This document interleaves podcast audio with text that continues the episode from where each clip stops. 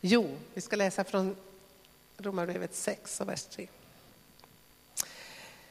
Vet ni då inte att alla vi som har döpts in i Kristus Jesus också har blivit döpta in i hans död? Genom dopet har ni alltså dött och blivit begravda med honom för att också vi ska leva i ett nytt liv så som Kristus har uppväxt från de döda genom Faderns kärlekhet. Ty har vi blivit ett med honom genom att dö som han ska vi också bli förenade med honom genom att uppstå som han. Vi vet att vår gamla människa har blivit korsfäst med honom för att den syndiga kroppen ska berövas sin makt så att vi inte längre är slavar under synden. Ty den som är död är frikänd från synden. När vi nu har dött med Kristus är vår tro att vi också ska leva med honom. Död och uppståndelse. Vi vet ju att Kristus har uppväxt från de döda och inte mer ska dö. Döden är inte längre herre över honom. När han dog, dog han bort från synden en gång för alla. När han nu lever, lever han för Gud. Så skall också ni se på er själva. I Kristus Jesus är ni döda för synden, men lever för Gud. Jag vill att du håller kvar den här texten. Mm. Här har vi det vi kallar dopgrav. Och det beror på den här texten. Att dopet handlar om att vi begraver den gamla människan och uppstår tillsammans med Kristus.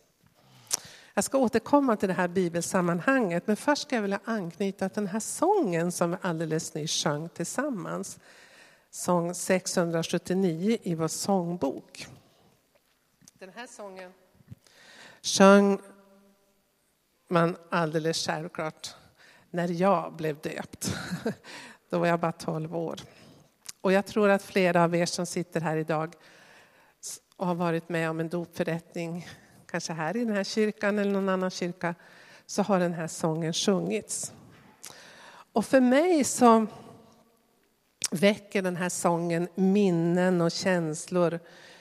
Både positiva minnen av högtid och gudsmöte, men också en högtid som är präglad av allvar, som jag tycker den här sången verkligen handlar om. Dopet som en tydlig markering av viljan att följa Jesus, vad än det kostar må. Den sång som handlar om efterföljelse, lydnad och vilja att gå korsets väg. Jag vet inte om ni håller med mig, ni som har varit med om det där. Det finns något av allvar i den här sången. Och jag tänkte att jag skulle sjunga den här sången vers för vers och, och, säga lite grann om den. Och jag kommer inte att sjunga den på den melodi som ni sjöng utan på en alldeles upphittad melodi. Eller vad ska säga. Ja. Första versen lyder så här. Jag vill följa dig, o Jesus, följa dig om vägen går över solbelysta höjder eller genom dunkla snår där jag vet att du gått före vill jag följa efter glad. Visa att du min vandring leder steg för steg till himlens stad. Ser ni att den här versen innehåller det här efterföljelseperspektivet. Jag vill följa dig Jesus oavsett vad det kostar och vet att Jesus gick korsets väg. Sången lyfter också fram det baptistiska, det är den baptistiska traditionen, oh, jag kan inte prata idag. Det den baptistiska traditionen betonar att dopet är en bekännelsehandling. Jag vill följa Jesus.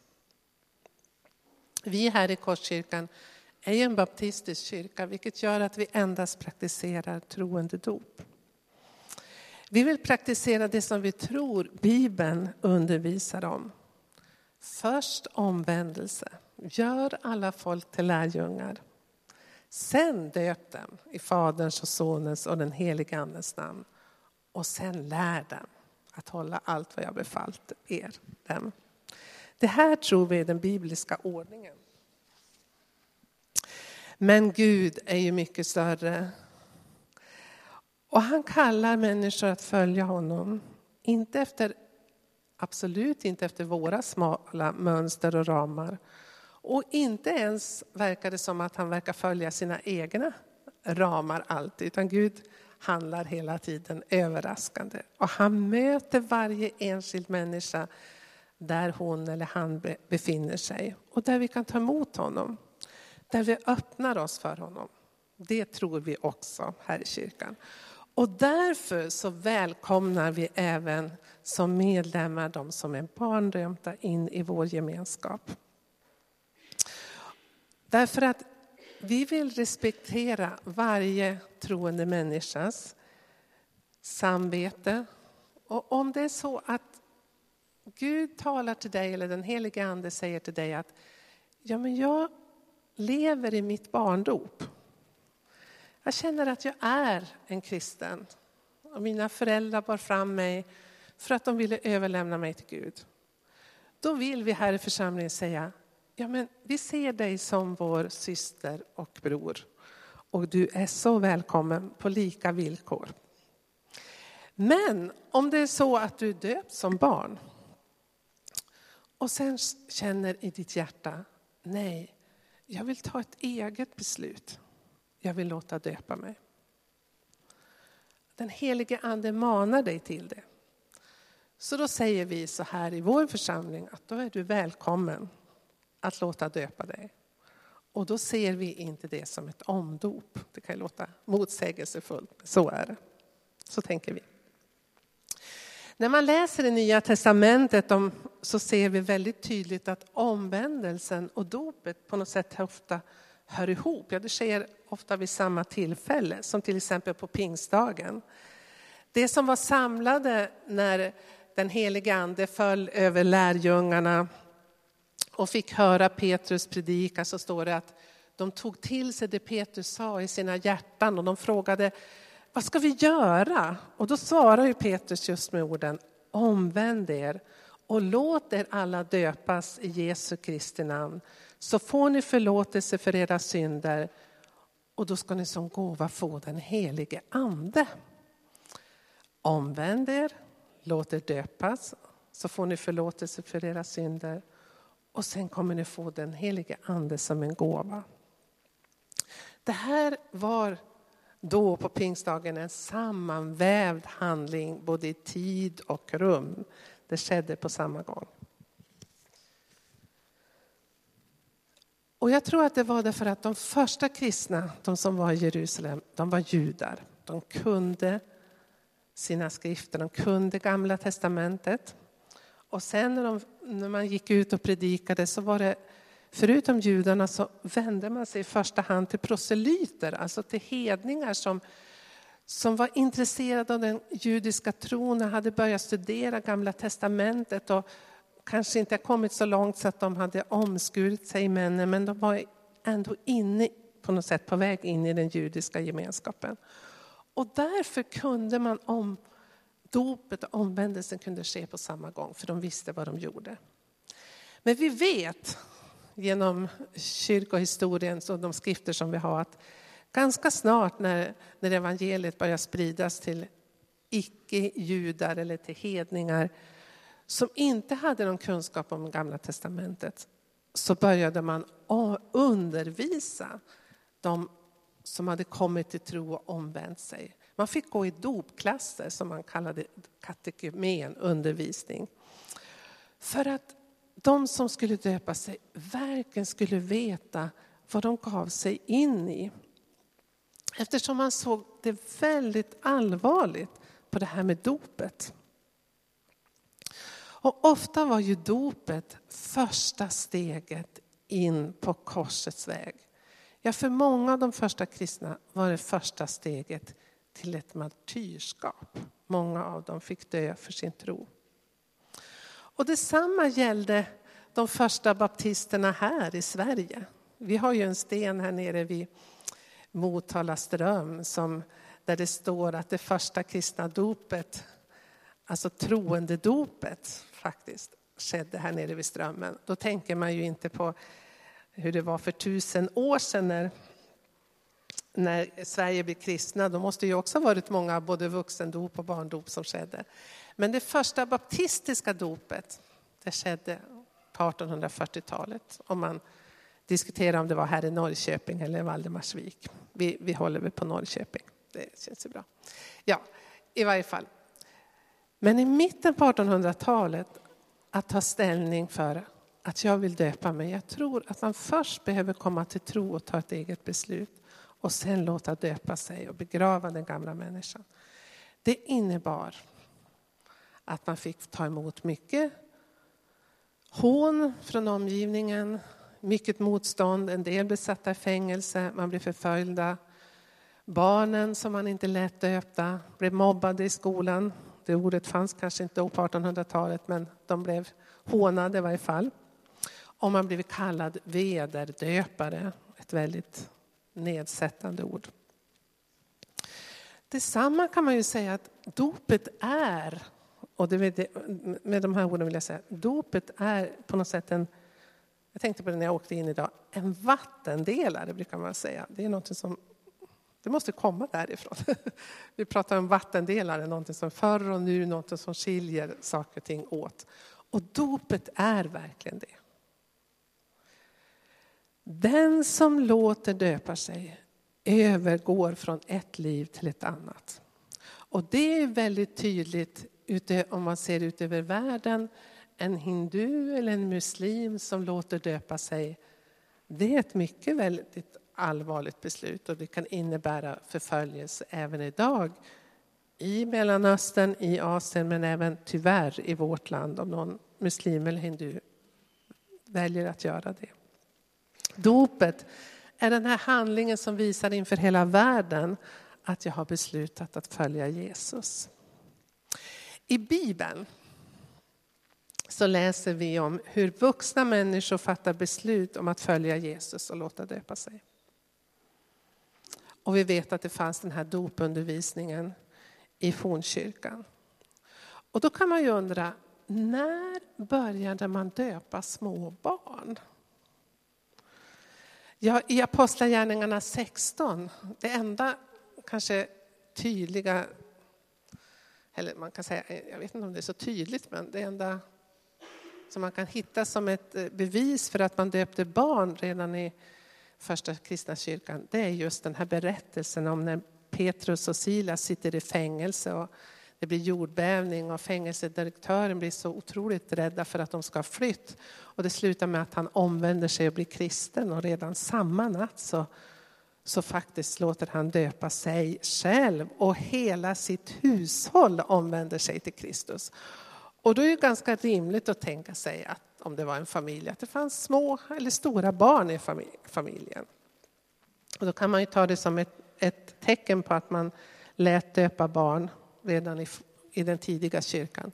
Men det vet vi ju inte säkert, för det står inte säkert utskrivet. Men däremot finns det många berättelser om hur vuxna kommer till tro och låter döpa sig. Jag tror att det var en, en mycket långsam utveckling det här med att man började döpa sina barn. Och inte framförallt sen när, när nationalkyrkorna började växa fram. Den första, vet, vet ni, det första kristna landet i världen, vet ni vilket land det var? Ett, hela, ett helt land omvände sig till Kristus. Vet ni det? Armenien. Nu ska jag gå och hämta min, mitt vatten, vattenglas. På 300-talet, innan Konstantin bestämde sig för att, att romarriket skulle vara ett kristet land. Och I och med det så, så blev det mer vanligt med barndop. Men vi i den baptistiska tro, traditionen tror att det fria valet är oerhört viktigt. Och för det andra så tror vi att barnen redan tillhör Guds rike. Jesus säger det ju i flera tillfällen att låt barnen komma till mig till de tillhör Guds rike. I till exempel den Svenska kyrkans ordning för barndopet så finns en tanke att man uttalar att nu befrias barnet ur djävulens våld. Och det, jag skulle tro att det är likadant i de ortodoxa och katolska kyrkorna. Jag har inte kollat upp det. Och därför har det varit vanligt med nödop. Jag hörde faktiskt här på Aktuellt alldeles nyss en intervju med mamma vars barn föddes för tidigt och, fick, en, fick dö. Och då hon blev medveten om det först sa hon när prästen kom och sa att hon skulle ha nöddop. Så att nöddop förekommer ju även idag. Viktigt för många. Därför att man tänker om barnet inte är döpt så kommer det inte till himlen.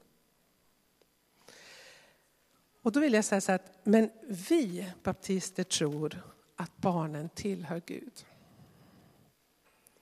Vi tror inte att det behövs något eh, nöddop för att ett barn ska komma till himlen. Vi tror att barnen tillhör Gud.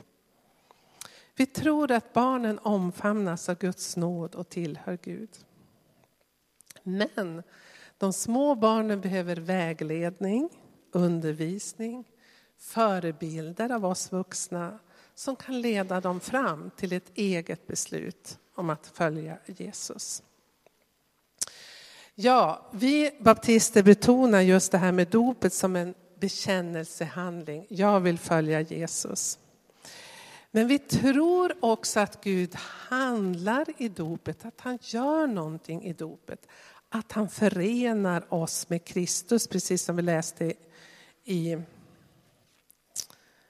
alldeles nyss i, i, först, i Romarbrevet. Eh,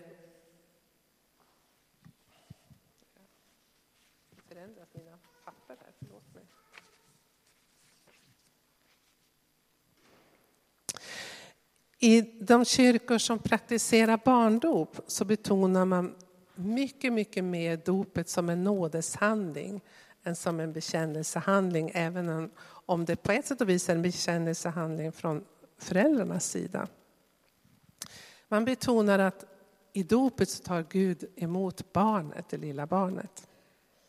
Och man talar mycket om Guds förekommande nåd, att Gud alltid är först på plan och tar emot det lilla barnet och är med hela livet. Men när man diskuterar det, när vi diskuterar den här frågan präster och pastorer emellan i ekumeniska sammanhang så är man helt överens, åtminstone de sammanhang jag har varit, att, att vi, det är viktigt med både tro, med både nåden, att Gud handlar, och vår egen tro. Och i Svenska kyrkan så har man ju konfirmationen där man bekräftar barndopet att det hör på något sätt ihop. Sen är det ju så i, i det verkliga livet kan man väl säga så här att i en del kyrkor betonar man nåden så starkt så det verkar precis som att är man bara döpt så kan man sen nästan leva hur som helst så kommer man till himlen ändå. Medan vi vill lyfta fram att, att även om man är döpt så är det också viktigt att man bevarar sitt tron, att man håller fast vid Jesus Kristus. Att det, att, att det kristna livet är ett, en, ömsesidig relation. Som baptist tror jag också att Gud, jag tror på den förekommande nåden. Även om man blir kristen som vuxen så tror jag att Gud har varit där. Det är Gud som kallar oss till sig. Han kallar oss till omvändelse. Och han kallar oss att gå dopets väg. Alltså Gud är först på plan alltid. Men vårt ja är också viktigt. Att vi säger vårt ja till Jesus. Alltså både och tron och dopet, nåden, Gud handlar i dopet och vi bekräftar vår tro. Ja, är ni med? ja, en del nickar. Det är bra. Vi har läst i versen här det här med att dopet är en begravning och uppståndelse. Och när jag var ung och eh, jag, som sagt var, jag döpte mig väldigt tidigt. Jag döpte mig när jag var 12 år. Och det vet jag inte om det kanske var lite tidigt, men i varje fall. Jag växte upp i ett hem, ett troende hem. Och eh, mina föräldrar eh, lät inte döpa mig som barn. De var pingstvänner, trodde inte på det. Men jag fick hela min uppväxt höra att en dag måste du själv fatta ett beslut om du vill bli en kristen eller inte. Och då kan du låta döpa dig. Det hörde jag många, många gånger. Så att när jag var så 5, 6, 7, 8, 9, 10, 11 år så visste jag att ja, men jag måste en dag bestämma mig själv om jag vill vara en kristen eller inte. Och jag visste också att det beslut som jag fattar, det kommer mina föräldrar att respektera. Om jag beslutar att bli en kristen kommer de att bli jätteglada. Om jag väljer att gå en annan väg så kommer mina föräldrar även att respektera det. Det fanns en stor frihet i det. Och jag hoppas att vi tänker så om våra barn också. Att man får, måste själv få välja vilken väg man går. Vi kan uppfostra våra barn men vi kan inte ta besluten åt dem. Men i varje fall, ett ord som betyder mycket för mig det var just det här jag tänkte.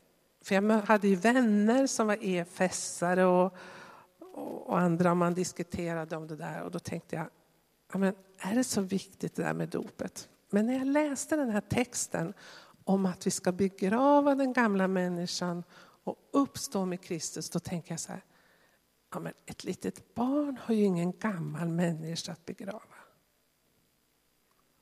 Det är ganska naturligt att, att man som vuxen tar det här beslutet att låta begrava den gamla människan och uppstå med Kristus. Och det är en fantastisk bild Gud är verkligen den stora pedagogen. Alltså, om det inte vore så att vi hade dopet, då skulle ju våra, vår omvändelse helt och hållet vara beroende på att vi minns att jag, vid ett tillfälle då tog jag ett beslut att jag ville vara kristen. Kanske ett känslomässigt beslut eller ett förståndsmässigt beslut. Och så kunde vi tänka tillbaka på det. Den där dagen då tog jag det beslutet och jag vet att för många av oss är ju det det där känslomässiga eller förståndsmässiga beslutet när vi bestämmer att vi vill vara kristna viktigt. Men om vi också har dopet att falla tillbaka med, på så är det ju en ännu mycket, mycket mer konkret handling. Där hela vår kropp är involverad. Om man låter döpa sig så blir man ju helt översörjd av vatten. Och dessutom bevittnas ju i de flesta fall dopet av andra. Åtminstone måste det ju vara en dopförrättare med. Så när man är döpt så kan inte den handlingen vara ogjord. Du kan inte säga så här, nej men jag har aldrig blivit döpt. Är du döpt är du döpt. Och är du döpt så kan du också säga, jag är döpt i Faderns och Sonens och den helige Andes namn. Alltså är jag kristen. Vår tro, det kan gå lite upp och det kan gå lite ner. Och ibland så drabbas vi av tvivel. Ibland flämtar trons låga lite svagt. Och då är det en enorm styrka att vi kan luta tillbaka till. Ja, men jag har ju tagit ett beslut. Jag ville låta döpa mig. Och jag är döpt, alltså tillhör jag Kristus och jag tillhör den kristna gemenskapen. Dopet är någonting som vi kan luta oss tillbaka mot och vila i. Och vila i den kristna gemenskapen. Det ska jag vilja skicka med er verkligen idag. När vi drabbas av frestelser som vi kan tycka handlar om det gamla livet. Då kan vi säga, Ja, mitt gamla jag ligger där nere i dopgraven. Jag lever ett nytt liv, ett uppståndelseliv med Jesus. Och som jag sagt, när vi tvivlar på om vi verkligen är en tillräckligt god kristen, då kan vi säga, ja men jag är döpt. Jag vill följa Jesus. Jag är inte fullkomlig, jag är på väg. Men det är nåd och en gåva att leva i. Nu har jag, ska jag sjunga några av de här sista verserna på sången. Och du får gärna ta fram sången om du hittar den igen. Vers 2. Och den här, när jag tänkte på den här sången så tänkte jag bland annat på vers 2 att ibland så kan det vara så här att man kommer till situationer man undrar vad vill Gud med mitt liv? Vart vill han föra mig? Och vi kanske är oroliga. Kommer Gud verkligen att leda mig så att det blir bra? Den här versen uttrycker en enorm förtröstan på Guds vägledning och att han vill oss väl. Även om det kan vara tufft ibland. Må jag då ej ängsligt fråga Herre, säg mig vart du går eller med en hemlig oro tveksam gå i dina spår. Nej, här gäller det att följa, ej att välja väg och steg. Men att i en barnslig lydnad gå den väg du valt åt mig. Förtröstan och tillit till att gå den väg som Gud har valt åt mig. I dopet, den tredje versen, jag kommer fram till det.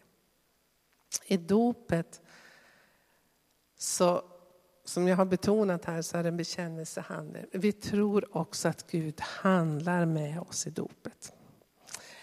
I Kolosserbrevet 1 och vers 13 till 14 så står det så här.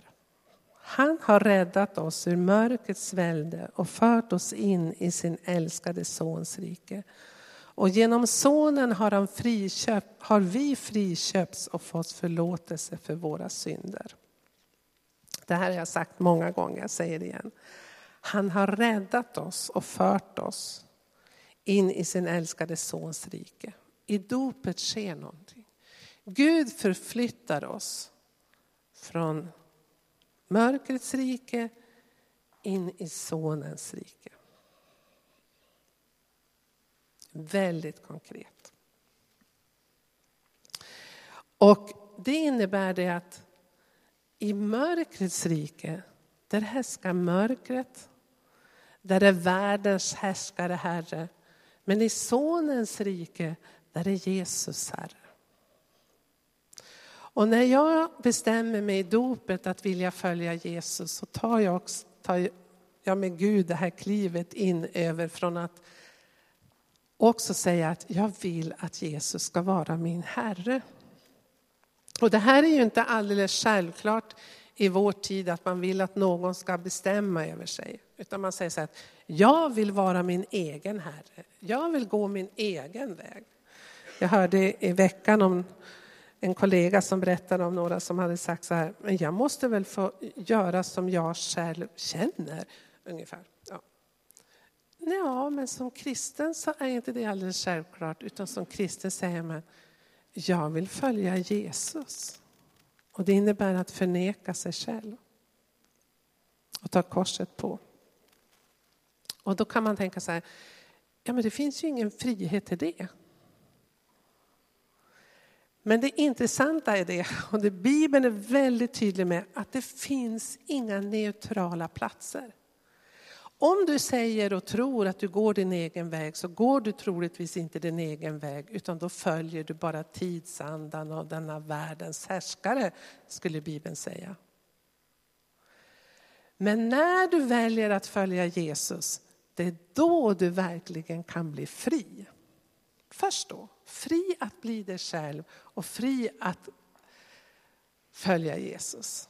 Alltså att följa Jesus är att liksom bejaka det som är gott och riktigt. Och då kommer den här tredje versen som jag tycker är så fri, fantastisk. Men om något här mig binder med ett än så hårfint band som kan bli för mig ett hinder på min väg till livets land.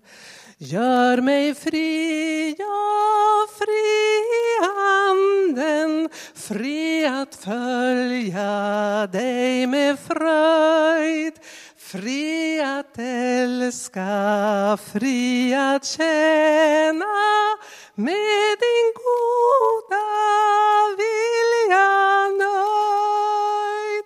Visst är det härligt? Gör mig fri, ja, fri i anden fri att följa dig med fröjd fri att älska, fri att tjäna med din goda vilja nöjd. Det är det som sker i dopet. Vad betyder dopet för dig och mig idag? Att det gamla livet är begravet. I och med dopet så har vi uppstått med Kristus och det innebär att vi lever med nya förutsättningar. Förutsättningar att säga nej till det gamla livet och vi är fria att följa Jesus, att älska, att tjäna honom. Fri, verkligen fri. Vi ska strax fira Herrens måltid.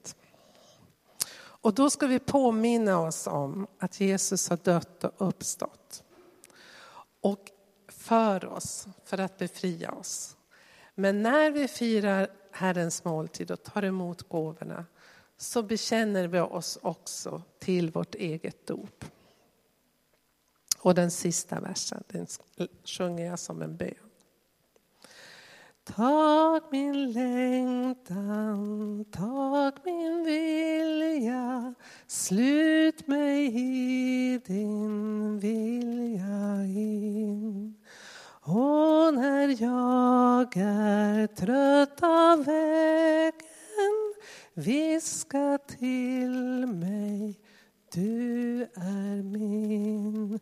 Har du följt mig här i tiden under några korta år skall du hela evighet